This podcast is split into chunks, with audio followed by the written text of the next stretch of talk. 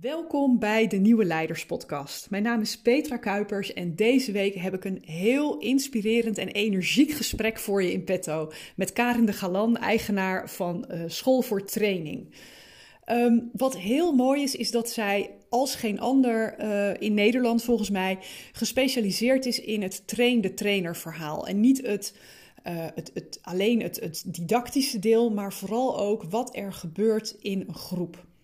En een van de dingen die we aan bod hebben is uh, autoriteit. En autoriteit, dat is iets waar zij een wat andere uh, en in mijn optiek verfrissende blik op heeft, die afwijkt van het ja, gaan staan voor een groep en gaan zenden. Uh, de traditionele leraar die wel even zal gaan vertellen hoe het in elkaar zit, dat is nadrukkelijk niet hoe Karen daar naar kijkt. En ze geeft ook een paar mooie voorbeelden en handvatten ze neemt mijzelf ook even onder handen daar over hoe je dat het beste kunt aanpakken.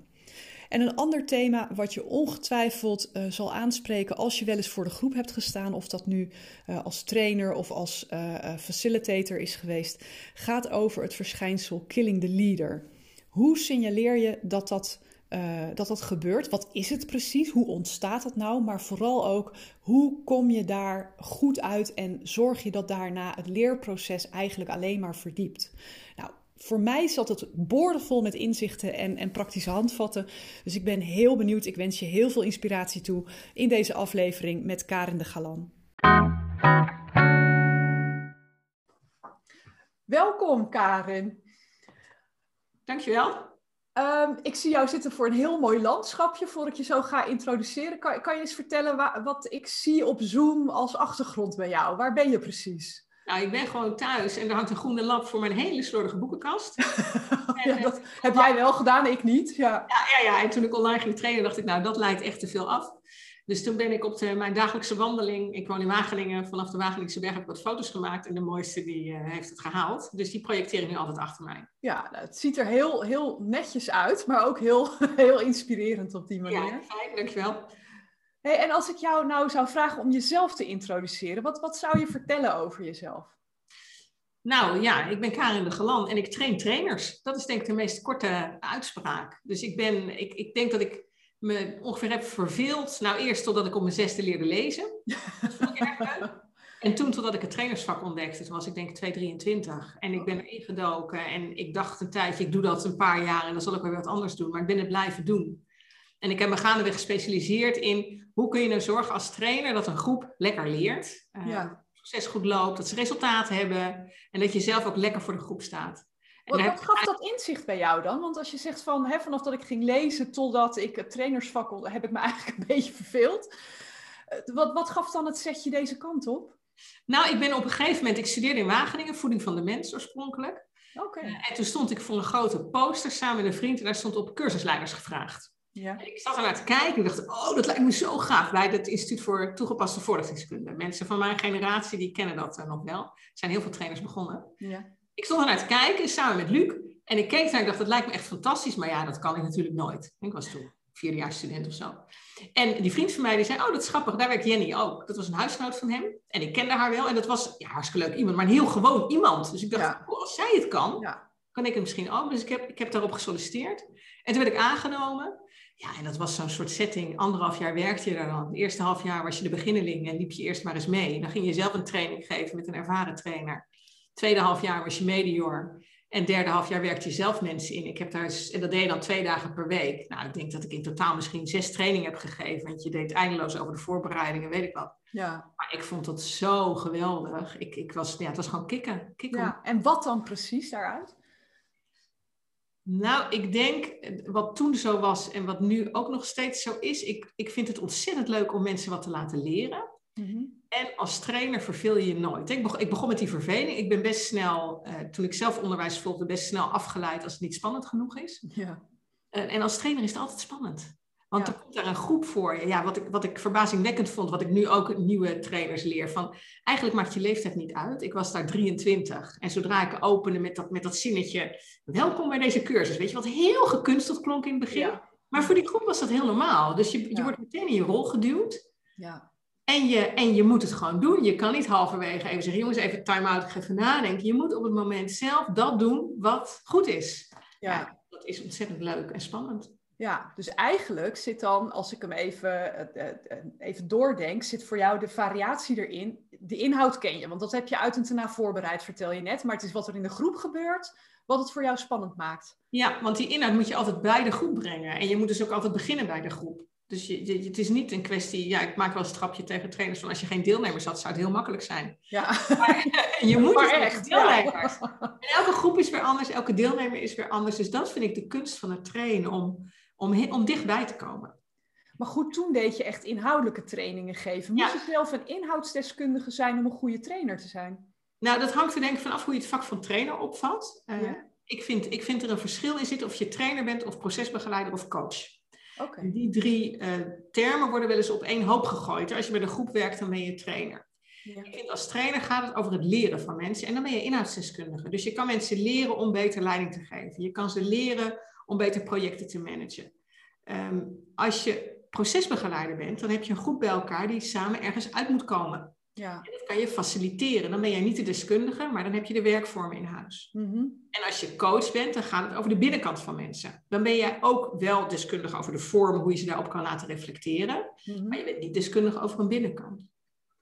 Nee, en, en dan als ik jou hoor zeggen van hè, een trainer, ja, eigenlijk doe je iets didactisch, hè, je draagt informatie over. Maar waarschijnlijk komt er dan wel een laagje op als je zegt van wat er in de groep gebeurt. Daar heb je iets meer voor nodig dan alleen maar dat inhoudsdeskundige, of? Zeker, zeker, zeker. Dus als, als trainer heb je nodig inhoudsdeskundigheid, je hebt mhm. nodig didactiek en je hebt nodig het groepsproces. Want trainen doe je in een groep. Ja. En het mooie vind ik als die drie dingen bij elkaar komen. Dus wat ik, wat ik doe, ik heb een eigen methode ontwikkeld die er eigenlijk voor zorgt dat je je inhoud zo uitserveert dat je het leerproces het beste dient en dat je daardoor ook het groepsproces het beste dient. Oké, want gaat dat hand in hand? Gaat dat, gaat dat hand in hand of is dat, ja, dat gaat toevallig bijvangst? Nee, nee, dat gaat hand in hand. Ja, dus ik, ik zal een voorbeeld geven. Dus heel veel trainers beginnen met nou, een soort kennismaking hè, en uitleg van het programma met een uitleg. Ja. Maar als je begint met een uitleg, dan zeg je dus over het leerproces: oké, ik draag informatie over.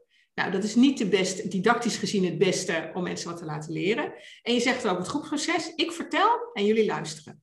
Waardoor je eigenlijk een top-down benadering krijgt. Dat is voor het groepsproces niet het beste.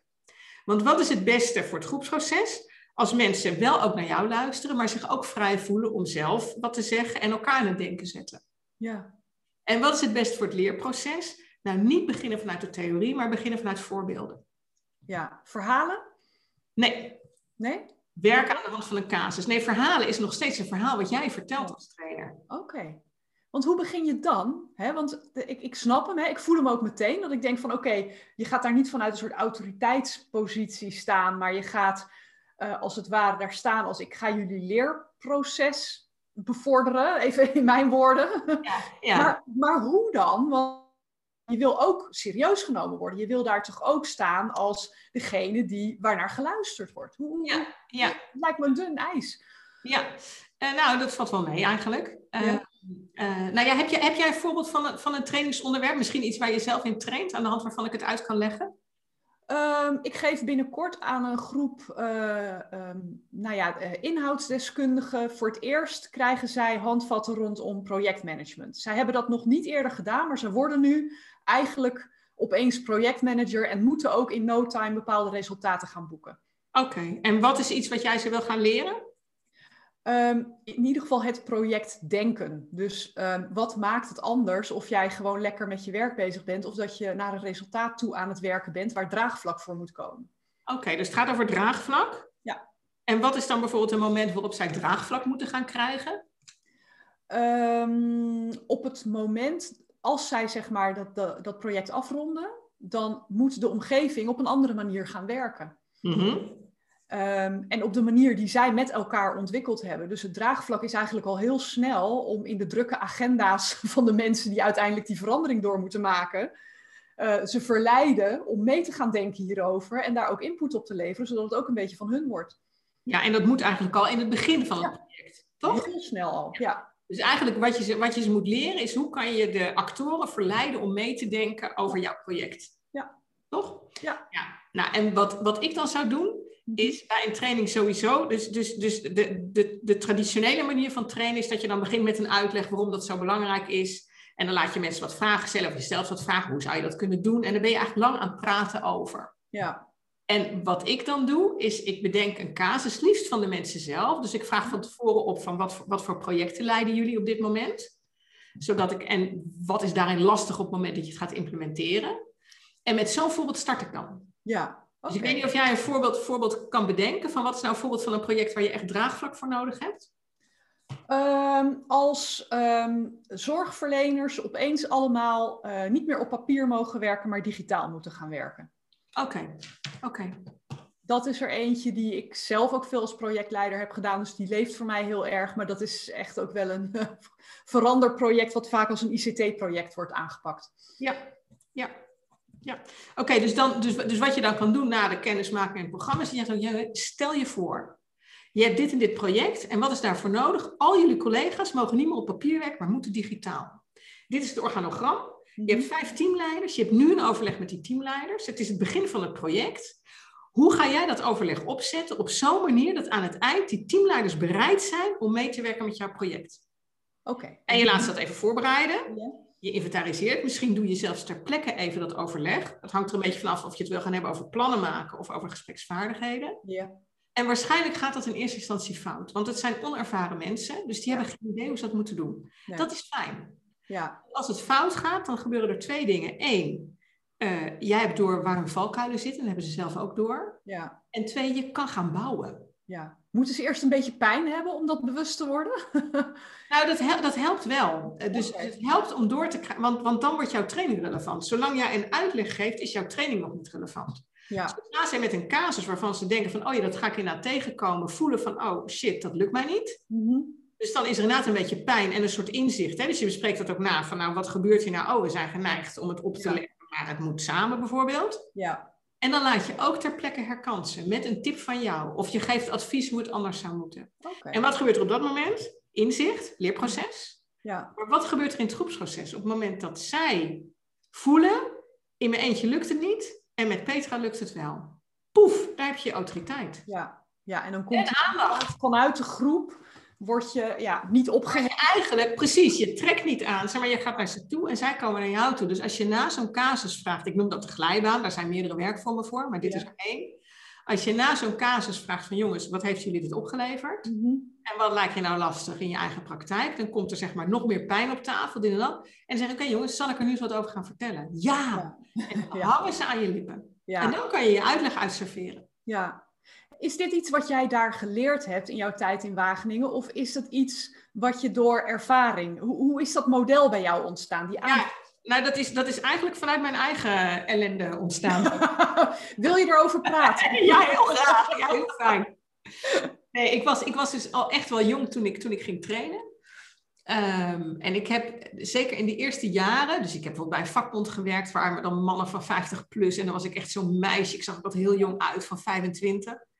En ik ben op mijn, op mijn 29e bij de landbouwvoorlichting gaan werken. En dan moest ik landbouwadviseurs trainen. Ook bijna allemaal mannen, allemaal ouder, ervaren vaak in verkooptechnieken. En ik had gewoon nul verkoopervaring. Ja. En ik had zo'n ervaren collega en die begon de training met een uitleg over klantgericht verkoop en anekdotes. En die, die mannen, die hingen aan zijn lippen. Ja. Maar bij mij, als ik, als ik dan aan de bak moest, dan kreeg ik zo'n hele stevige handdruk en zo'n opmerking van, nou, ik heb al heel veel verkooptraining gehad. Ik ben benieuwd wat dit nog gaat brengen. Oké, oh lekker. Dan is de toon gezet. Ja. ja. Dus ik begon daar, heb ik zeg maar ontdekt dat het veel beter werkt als ik met een casus begon. Ja. En dat ben ik eigenlijk steeds meer gaan, gaan fine-tunen. Dus, dus, dus nou, ik deed dat eigenlijk. En dat deed ik toen nog onder de noemer van het model van Kolp, want dat had ik geleerd. Achteraf was het helemaal geen Kolp wat ik deed. En ik ben het gaan fine-tunen. Ik ben op een gegeven moment een boek gaan schrijven. Ik ben trainers gaan opleiden. En eigenlijk gaandeweg, doordat ik hun leerde hoe het moest, ging ik ook mezelf meer onder de loep nemen. En in mijn tweede boek, Training Ontwerpen, heb ik als het ware expliciet gemaakt wat ik eigenlijk deed. En daar kwam die glijbaanwerk vorm. Is, is dat de manier ook waarop jij zelf leert? Een training ergens over ontwikkelen om zelf echt even met een afstandje te kijken van, ja, waarom doe ik eigenlijk wat ik doe?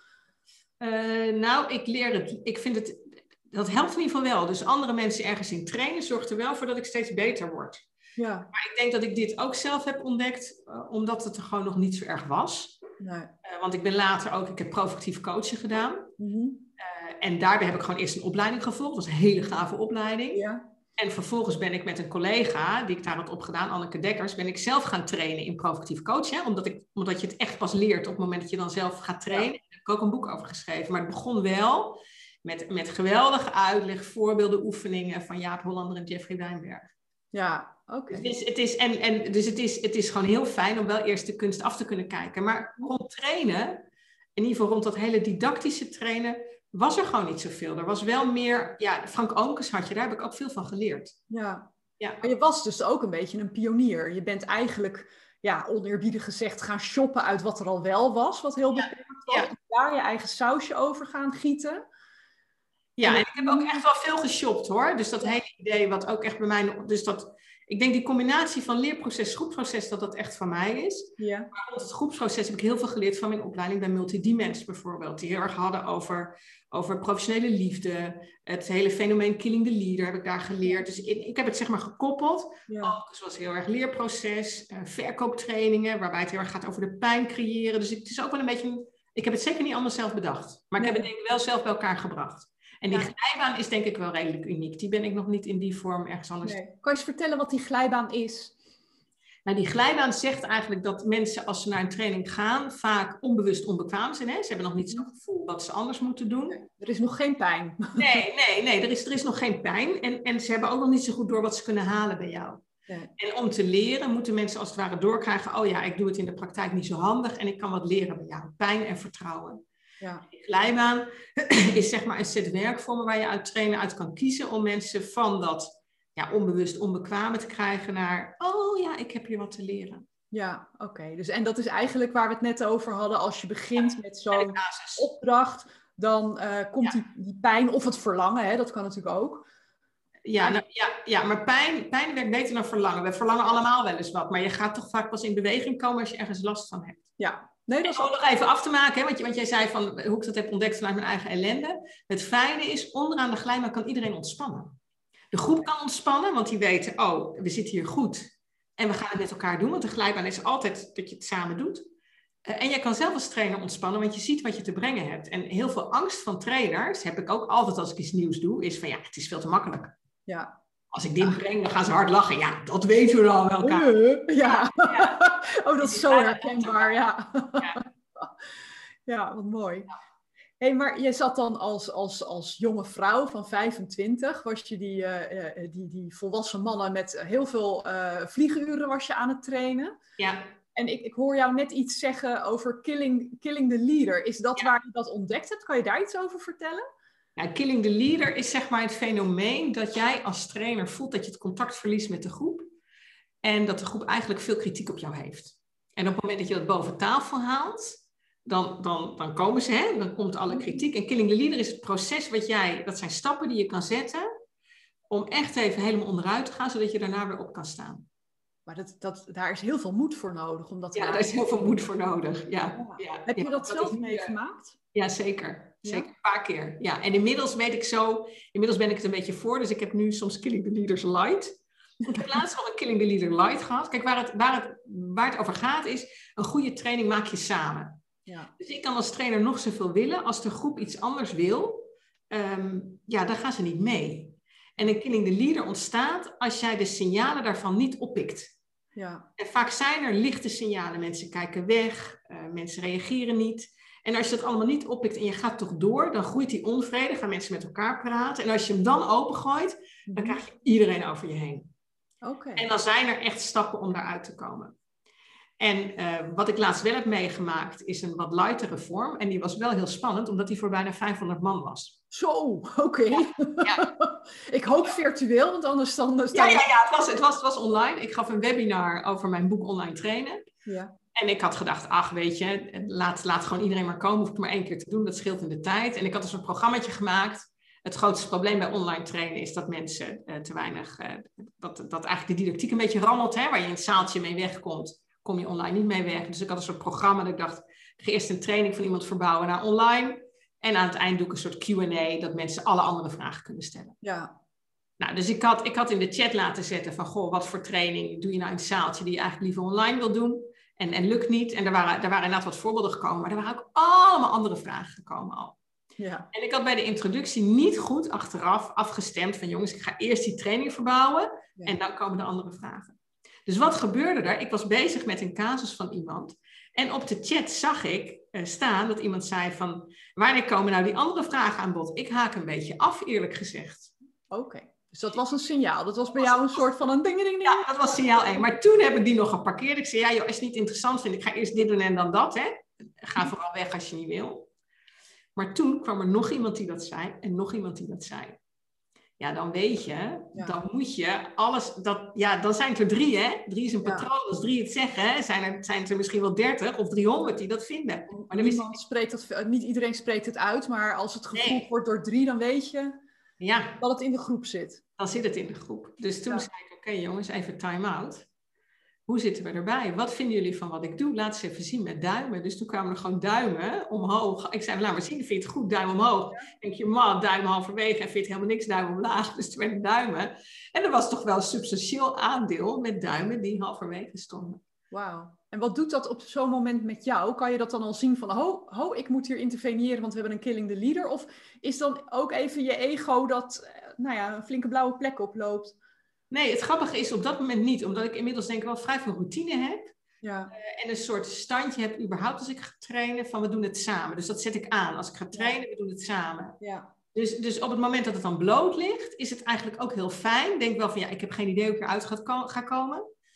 Um, en er zitten 500 man te kijken. Maar wat ik, wat ik dan doe, is wel mijn aandacht aanzetten. Dus ik heb één iemand gevraagd van, uh, nou ja, vertel. Hè, ik zie jouw duim zo. Vertel eens, wat, wat vind je ervan? Nou, die kwam in een verhaal dat ze mijn model wel kenden en meer online tips wilden. Toen ben ik nog wat mensen uit gaan vragen. Mensen die inderdaad hun duim halverwege hadden. Ja. En toen ook wat mensen die omhoog hadden. Die zeiden, ja, maar ik vind het wel heel fijn. Ja. Toen kwam er ook op de chat van, nou, we kunnen wel weer doorgaan. En toen heb ik gezegd, oké, wat ik voorstel is, ik ga meer online tips in mijn verhaal verwerken. Wel door met de casus. En, nou ja, toen deed ik een voorstel. Ja. was iedereen heel erg tevreden. Ja, oké. dus die heb je gewoon goed getackeld. Weet je of je veel mensen bent kwijtgeraakt daarin? In die nee, bijna niemand. Bijna niemand. Nee, want iedereen vond al die trainers vonden dit natuurlijk mega spannend. Ja. En ik heb eigenlijk vooral, en op het moment zelf was ik, zat ik echt wel, ja, omdat ik natuurlijk inmiddels echt al wel 30 jaar train en, mhm. en wel ook weerstand vaker heb meegemaakt. Dus ik kon het parkeren dat er 500 man zaten. Ik had wel daarna, dat ik dacht, shit, dit had echt zo mis kunnen gaan. Weet je, als ik, als ik niet, als iedereen het stom had gevonden, of ik was niet met een oplossing gekomen, of hmm. ja, het, blijft gewoon een spannend vak. Ja. Maar goed, jij hebt, je weet dat je allemaal trainers in de virtuele zaal hebt. Heb je dan niet ook de neiging om hier een didactisch momentje van te maken? Van jongens, even time-out, zie je wat hier gebeurt? Nee, nee, nee, nee, want dat is, dat, is, dat is dus wel grappig. Dat, dat moet je dus niet doen, omdat je, wat er namelijk gebeurt is een soort, er komt een wantrouwen in het groepsproces. Hè? Dus leerproces boven tafel, mm proces is onder tafel. Wat gebeurt er onder tafel? Ik, ik geef niet wat mensen verwachten, dus ze, ze worden boos op mij. Ja. Dat is ook wat er gebeurt als deelnemer. Je hebt minder macht als deelnemer. Ja. De trainer leidt het proces. Dus het is achteraf gezien ontzettend dapper ja. van die mensen die dat op de chat hebben gemeld. Ja. En op het moment dat ik daar dan meteen boven gehangen, mm dan ben ik te vroeg. Want ik, ik heb geen contract op dat moment. Ik heb geen contact en ik heb geen contract. Ja. Dus ik moet eerst het groepsproces induiken om dat te herstellen. Ja, en weer opnieuw contracteren eigenlijk. en opnieuw contracteren. Ja. En, en uh, ja, als ik die groep nou zeg maar nog een keer terug zou hebben gehad. Ik heb daarna nog wel mensen gehad, bijvoorbeeld in de afgelopen training over de Roos van Lier, waren ook mensen die dit hadden gezien. En ze hebben wel nagepraat over wat deed ik nou. Ja. En dat vonden ze heel gaaf en konden we eventjes meer technisch kijken van wat ik heb gedaan. Dus dat kan je wel doen als je weer eenmaal contract. Maar ik denk dat dit voor elke trainer heel herkenbaar is. Ja, er komt altijd een moment waarop er iets uitgesproken moet worden, wat eigenlijk helemaal niet in het curriculum zit. Nee, nee, nee, nee. En, en het mooie is als je dat doet, dus als je daarin gaat, en dat zag je hier ook, dan, ehm, dan wordt het beter dan het hiervoor was. Ja, dan breekt je die strubbelingen durft op te pakken, ja. want dan voelt de groep, hé, hey, we zijn een beetje gelijkwaardig geworden. Ja. Wij, mogen, wij mogen een beetje meesturen. En dat is wat je uiteindelijk nodig hebt om lekker te kunnen trainen. Ja, want is dat waar een killing the leader ook vandaan komt? Dat er een soort asynchroniteit ontstaat ja. in de autoriteit? Ja, dus een, dus, een, dus, dus een echte killing the leader is als, als, ik, als ik er overheen was gegaan. Ja. En dan gaat de groep steeds verder terug, want dan voelen ze zich steeds ja. gezien. Mm Als je het dan op tafel gooit, dan gaan alle duimen naar beneden. Ja. Dan krijg je heel veel kritiek. Ja. En zij zijn als het ware zo machteloos geworden. Mm want je hebt ze zeg maar een tijd lang gedwongen om jou te volgen, terwijl ze je eigenlijk niet meer willen volgen. Ja. En hun macht moet herstellen. En hoe herstel je macht? Door uit te vragen wat je ze hebt aangedaan. Mm Daar ook de volledige verantwoordelijkheid voor te nemen. Hè? Terwijl, terwijl, vaak maak je het samen in een trainer. De deelnemers hebben ook schuld, zou je kunnen zeggen. Maar ja. zij worden niet betaald om goede deelnemer te zijn. Jij wordt wel betaald om goede trainer te zijn. Dus je trekt mhm. het echt naar je toe. Ja. Dus ik heb inderdaad de introductie niet goed gedaan. Of ik ben te snel geweest. Of te abstract. En daar maak je excuus voor. Ja. Dus killing the leader is dat je echt zegt, ik heb dat en dat gedaan. Daarmee heb ik jullie ochtend verknald en dat spijt me. Het klinkt bijna als een soort... En dat is doodeng. Ja, het, het, klinkt bijna als een soort riete passage naar je echte volwassenheid. Ja, ja, dat is ook zo. Je moet het een keer meegemaakt hebben. En, en het mooie is dat als je dat doet en echt heel veel oud-deelnemers van mij, die, want ik, ik, ze vertellen mij vaak wanneer ze Killing the Leader hebben gehad, bij welke sector dan ook. Ik heb een collega gehad die het echt bij, bij bankpersoneel moest wat echt heel hoog, die heel hoog in de boom zaten. Ja. Maar het is altijd zo dat als je dat doet, dan valt er een stilte. En dan, dan gaat de groep praten en dan zeggen ze, nou, ik vind het tof dat je dit zegt. Ja. En ik heb ook wel bewondering dat je dit zegt. En ja. vervolgens kan je een nieuw contract maken en is, het, is de machtsbalans hersteld eigenlijk is het een reden voor champagne als je het een keer meemaakt. Het is ontzettend, ja, want het mooie is ook als je, als je het aan bent gegaan, dan is die herinnering ook schoon. Ja. Ik heb ook wel herinneringen aan dat ik het niet aan heb durven gaan. En dat is eigenlijk veel vervelender, want dan zit er altijd nog zo'n angst van eigenlijk was het niet oké, maar je hebt het niet uitgesproken. Maar als je het uitspreekt, ja. Ja, dan, is het, dan is het daarna schoon. Ja, want maar je moet wel weten hoe je het dat dan met je mee als je dat niet uit... Uh, zijn er dingen van tien jaar geleden die jij nu nog weet van oeh, daar had ik het eigenlijk aan moeten gaan. Ik heb het niet gedaan en ik voel dat nog. Ja, ja. Oké. Okay. Ja. Dat is ook wel inderdaad. Ja, maar dat is heel grappig, want in de opleidingen bij ons zit ook die killing the leader. En dan vragen we dan eigenlijk casuïstiek. Ja. En starters hebben dit vaak nog niet ervaren, maar ervaren trainers hebben allemaal zo'n zo, zo, zo kerkhofje, zeg maar. Of een, van, van trainingen waarbij je voelt van, oh ja, dat was eigenlijk niet oké. Of je krijgt een negatieve evaluatie, of je hebt het gewoon verloren met de groep. Ja. En dan is het heel gaaf om het dan nog een keer uit te kunnen spelen en te voelen, oh ja, maar met deze manier had ik het, ja. had ik het meester kunnen worden, zeg maar. Ja, het is eigenlijk helend is dat, om het nog... Heel helend, ja. En ook helend, uh, omdat het zo fijn is om te voelen dat je daarin niet alleen bent. Dat andere trainers dit ook allemaal hebben ervaren. Ja. Ja. Hey, en, en een andere kant, hè? want aan de ene kant, ik zei net van hey, die, je, je autoriteit, nou, die, die ontstaat zeg maar als je die aanpak gebruikt. Maar hoe creëer je in een groep nou de veiligheid om ook echt het gesprek aan te gaan? Want dat is er eentje, nou ja, die, die ook niet vanzelfsprekend is.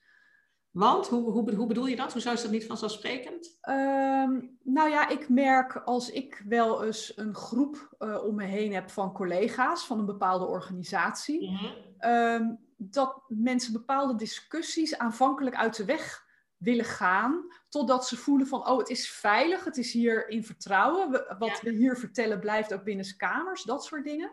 Ja. Hoe, hoe ga jij daarmee om? Ja. Nou ja, ook hier zie je natuurlijk het verschil. Ben je procesbegeleider of ben je trainer? Mhm. Als je procesbegeleider bent en er moet gedoe in het team opgelost worden, dat is een heel andere hè, cup of tea, zeg maar. Hè? Ja. Mhm. Eh, als trainer heb je, uh, en, en als trainer gaat het erover, durven mensen elkaar feedback te geven. Ja. En wat heel erg uh, helpt, is als eigenlijk een paar dingen. Um, normaliseren van dat het mis kan gaan. Uh, dus ik hou er erg van om het spannendste eerst te doen. Hè? Dus als bij gespreksvaardigheden is, hoppakee, meteen iemand voor de groep en zorgen dat die feedback krijgt en herkanst. Ja. Uh, en op het moment dat jij structuur biedt in je training waar de feedback over moet gaan, maakt dat ook heel veel uit. Dan gaat het niet meer over de persoon, maar dan gaat het over gedrag. Ja. Dus als je gewoon maar zo, dus, dus als je training didactisch goed in elkaar zit, dan wordt ook dat groepsproces vanzelf veiliger. Ja, juist door de structuur. De, structuur, maakt het veilig. Heel veel veiligheid. Ja, ja oké. Ja, dat is inderdaad wel, wel mooi om te. Weet je, we hebben vaak zoiets van um, uh, structuur, dat slaat ook een beetje de creativiteit eruit. Ja. Uh, maar het is goed om je ook te realiseren dat, dat, dat structuur ook veiligheid en voorspelbaarheid met zich meebrengt. En dat voorspelbaarheid niet hetzelfde is als saai. nee, zeker niet. Zeker niet. Nee, nee want, want, want, want de structuur is didactisch. Hè? Dus met zo'n casus beginnen een rollenspel voor de groep van iemand die zegt van nou, ik heb altijd problemen met mijn baas, want die doet zus en zus en zo. Ja. Dat is qua structuur voor mij inmiddels super voorspelbaar. Ik weet precies welke didactische stappen ik zet. Ja. Maar het is altijd spannend, want ik weet niet hoe dat gesprek gaat lopen. En ik weet niet wat die deelnemer gaat doen. En er komt feedback uit de groep. Voor hun is het ook nieuw en spannend. Dus het, het inhoudelijke proces is juist super interessant. Ja, maar, maar kan, kan je uh, mij en de luisteraars meenemen in hoe zorg je er nou voor dat je inhoudelijk gewoon dicht op de bal blijft en tegelijkertijd waarneemt wat er in die groep gebeurt. Want in feite ben je dus continu op twee borden tegelijk aan het schaken. Hoe, hoe kan je jezelf daarin in trainen, in oefenen? Nou, het helpt heel erg als je weet wat je doet. Dus ik ben er erg voor dat mensen een opleiding gaan, de opleiding bij mij gaan volgen. Want ja, uiteraard. Gaan we zo meteen nog even, ja, nee, nee, maar waar ze je kunnen vinden, maar inderdaad. Ja, nee, maar dit is, dit is, dit is echt niet bedoeld als reclame, maar trainen is gewoon een vak. Ja, en, we hebben bij trainen soms het gevoel van ja, dat moet je maar gaandeweg leren. Terwijl ik denk, ja, je gaat toch ook geen hersenchirurg of in een auto, of weet je wel, het, dat, dat zijn, er zijn gewoon technieken die je kan doen. En het helpt ontzettend als je weet wat je doet, als je dat oefent, want dan zit dat in je ruggenmerg.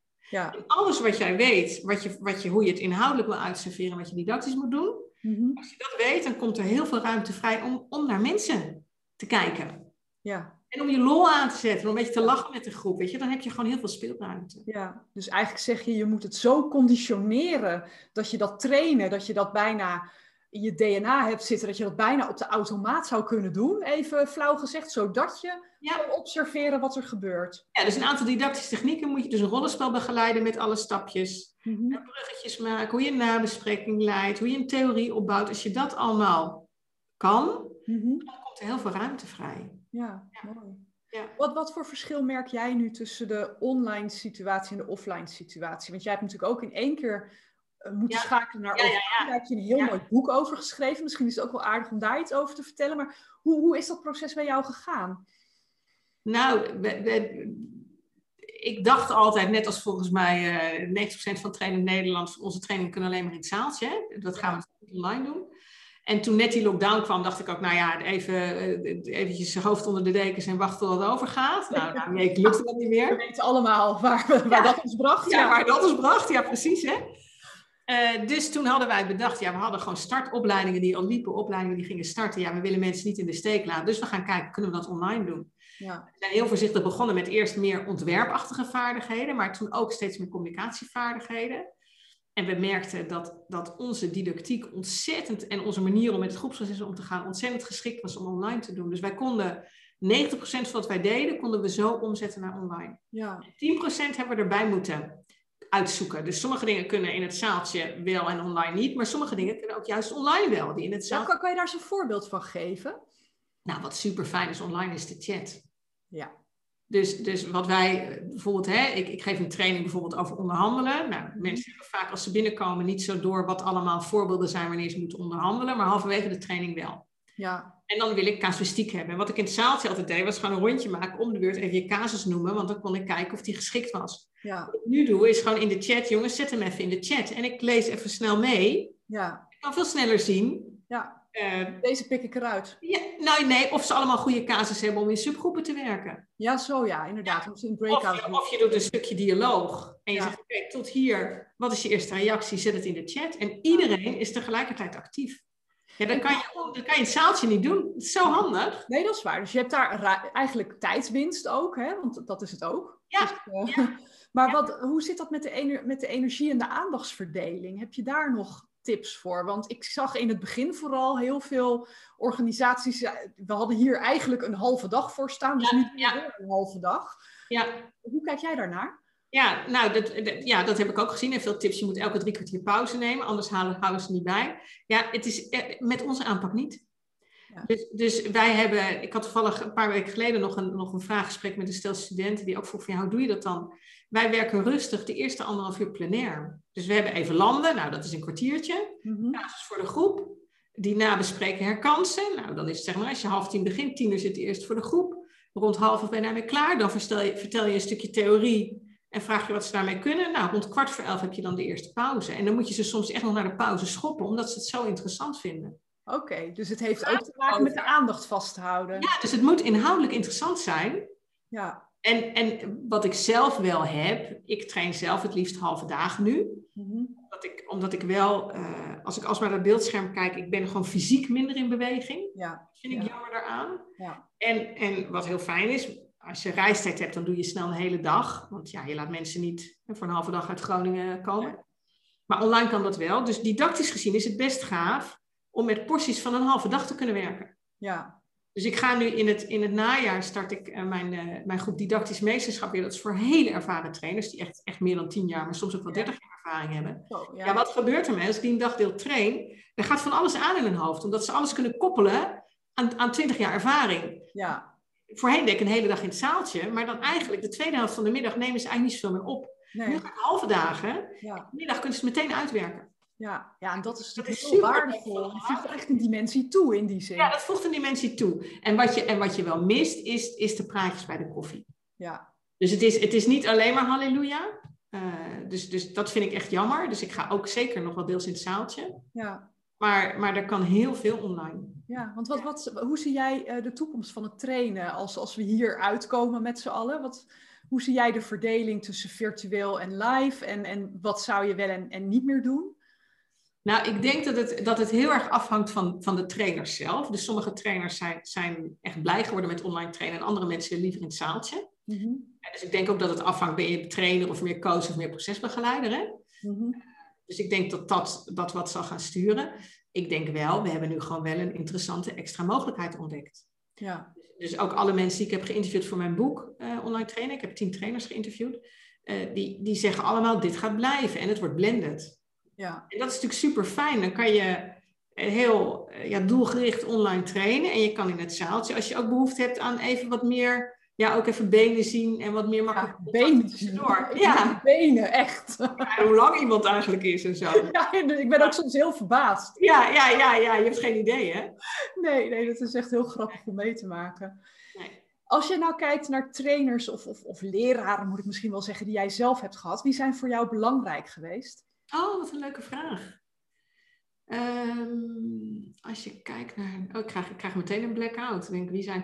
Ik heb, ik heb toen, ik, toen ik bij de vakgroep onderwijskunde. Toen ik, toen ik dat, dat vrijwilligerswerk deed, zeg maar. Toen heb ik een keer een cursus gehad van iemand bij de vakgroep onderwijskunde. Mhm. Daar heb ik ook een afschriftvak bij gedaan. Die was belangrijk voor mij. En wie ook meteen bij mij opkomt. Ik heb op een gegeven moment een opleiding gedaan bij Multidimens. Ik weet niet of ze nog bestaan. En, en daar begon ik aan. Toen was ik 8, 29. Dus ik was echt ook de jongste van de groep. Hè. Het was nog jong en veelbelovend, zeg maar. De high potential, ja. Ja, maar dat, nou, maar dat was, ik voelde me echt te minder. Hè. Er zaten mensen die hadden daar al meer gedaan, dus ik voelde me echt te minder. En dan had ik een, een eh, trainer, Pieter de Turk heette die. En ik hing aan zijn lippen. Ik vond echt fantastisch wat er allemaal gebeurde. Het ging over gestalte en psychosynthese. En in het derde jaar kwam ik hem weer tegen. En toen, toen was er een casus voor de groep en hij deed daar wat in. En ik weet in de nabespreking, zei ik, goh, je zou toch ook nog dat en dat hebben kunnen doen. En toen kwam hij in de pauze naar mij toe en toen zei hij, wat ben jij een vakvrouw geworden. Wauw. Toen was ik 32. Ja, En ik weet, dat deed mij zo goed, want ik was zo ontzettend onzeker. Ik vond het Ja. zo'n spannend vak. En ik dacht, ik ben een, een, een fraudeur, zeg maar. hè, Weet je wel, dat, dat, ja, ja, ja de imposter, eh, ja.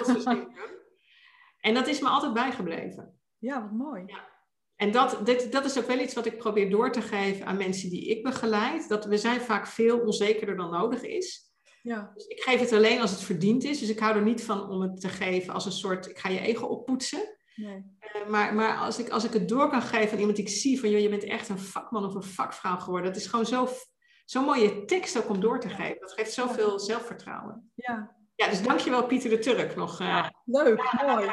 ja. Hey, en ehm, eh, nog even een laatste vraag voordat ik zo meteen ga vragen waar mensen meer over jou kunnen vinden. Maar ehm, eh, waar ik eigenlijk ook wel benieuwd naar ben, is ehm, hoe, hoe zie jij jouw eigen rol over een aantal jaar? Heb jij, heb jij nog wensen? Heb jij nog dingen op je bucketlist vanuit je professie van dit zou ik nog willen doen? ja, altijd. Ik heb altijd een hele lijst wat ik wil doen, maar ik kijk nooit vijf jaar vooruit. Dus ik kijk altijd op de korte termijn. Eh, Ja. Dus ik, heb, ik, ik zit in het bedrijf samen met mijn partner, Peter Bagge, die mijn privépartner is en tien jaar geleden in het bedrijf is gestapt. En op de korte termijn, waar we nu heel erg mee bezig zijn, is de wetenschappelijke onderbouwing. Van hoe leren mensen nou? Er is heel veel onderzoek gedaan. En dat blijkt heel erg eh, te overlappen met mijn methode. Dus op de korte termijn willen we dat heel graag op papier zetten in een boek. En misschien ook wel filmpjes van maken. Kan- je een klein, klein tipje al oplichten? Want daar ben ik wel heel benieuwd naar. Er is altijd zoveel over leerrendement en dat soort dingen. Hoor je Ja. zoveel dingen over. Kan, kan je daar iets over weggeven al? Een kleine scoop? Ja, nou, er staat ook op mijn website een heel een webinar al over de, over de leerprincipes. Kijk, het goede nieuws is, het trainen heeft hartstikke veel rendement. Dus dat hele gezeik van dat trainen niks oplevert en wat we leren door het op de werkplek te doen, dat is echt onzin. Trainen kan waanzinnig effectief zijn. En wat ook zo is, het maakt wel uit hoe je het doet. Ja. En wat wij in Nederland, waar we erg van zijn, is een beetje dat zelfontdekkende leren. En ga maar in groepjes bij elkaar en bedenken wat je doet en reflecteren. En de trainer als een soort procesbegeleider. Mhm. wat heel nuttig is als een conflict is bijvoorbeeld. Ja. Als het gaat om leren heb je veel meer aan een trainer die zijn expertise inbrengt, met voorbeelden komt, uh, laat zien hoe het moet en ze je vervolgens zelf laat oefenen. En dan is het echt super effectief. Wauw, oké. Ja. Ben je al begonnen aan het boek of is het nog een idee? Wat zei je? Ben je al begonnen aan het boek of is het vooral nog een idee? Ja, we, zijn, we, we, we, waren er vorig jaar al best ver mee en toen kwam dat online trainen tussendoor. Toen zijn we dat gaan doen en nu is dat een beetje zo uh, gesetteld. Dus nu pakken we dat weer op. En op onze website kan je al blogs vinden. Kan je een webinar vinden al wat ik heb gegeven. En uh, dus ja, daar gaan we gewoon lekker mee door. En waar kunnen mensen je vinden? Op www.schoolvoortraining.nl en op LinkedIn, als je met mij linkt, ik, ik plaats heel regelmatig gewoon korte verhaaltjes, blogjes. Uh, op LinkedIn ook. Ja, ik zal uh, de links allebei in de show notes zetten. Dus als mensen even terug willen kijken, dan kunnen ze dat daar vinden. Ik wil je heel erg bedanken. Ik vond het een leuk en ook een heel, heel leerzaam, waardevol uh, gesprek. Ja, nou ja, ook bedankt. Ik vond het ook erg leuk. Ja, gooi er een kwartje in en ik ga los. Hè? Dus, nou, heerlijk. Daar houden we van. Doen. Maar dankjewel voor je leuke vragen. Ja, jij dankjewel.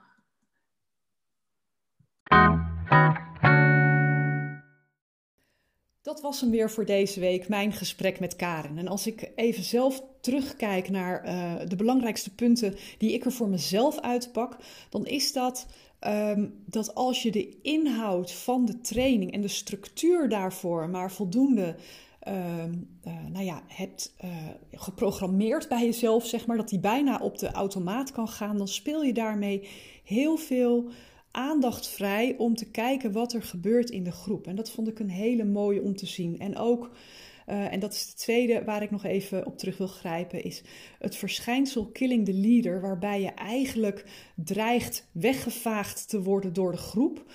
Um, de moed die dat vergt om dat echt aan te gaan, maar vooral ook wat er daarna gebeurt als je dat. Uh, als, je, als je daar doorheen gaat met elkaar, dat is iets wat ongelooflijk waardevol is. En ik heb het wel eens meegemaakt. Ik heb er toen niet de woorden aangegeven die Karen er hier aangeeft. Dus voor mij is dat echt nog even een, een handvat om terug te kijken op wat er toen precies gebeurde. Nou, ik hoop dat het jou ook de nodige inzichten heeft gegeven. Uh, laat het me vooral eens weten in een mail. Vind ik altijd erg leuk om te horen. Was deze podcast waardevol voor je? Uh, dan zou je me ontzettend kunnen helpen als je hem wil uh, helpen verspreiden.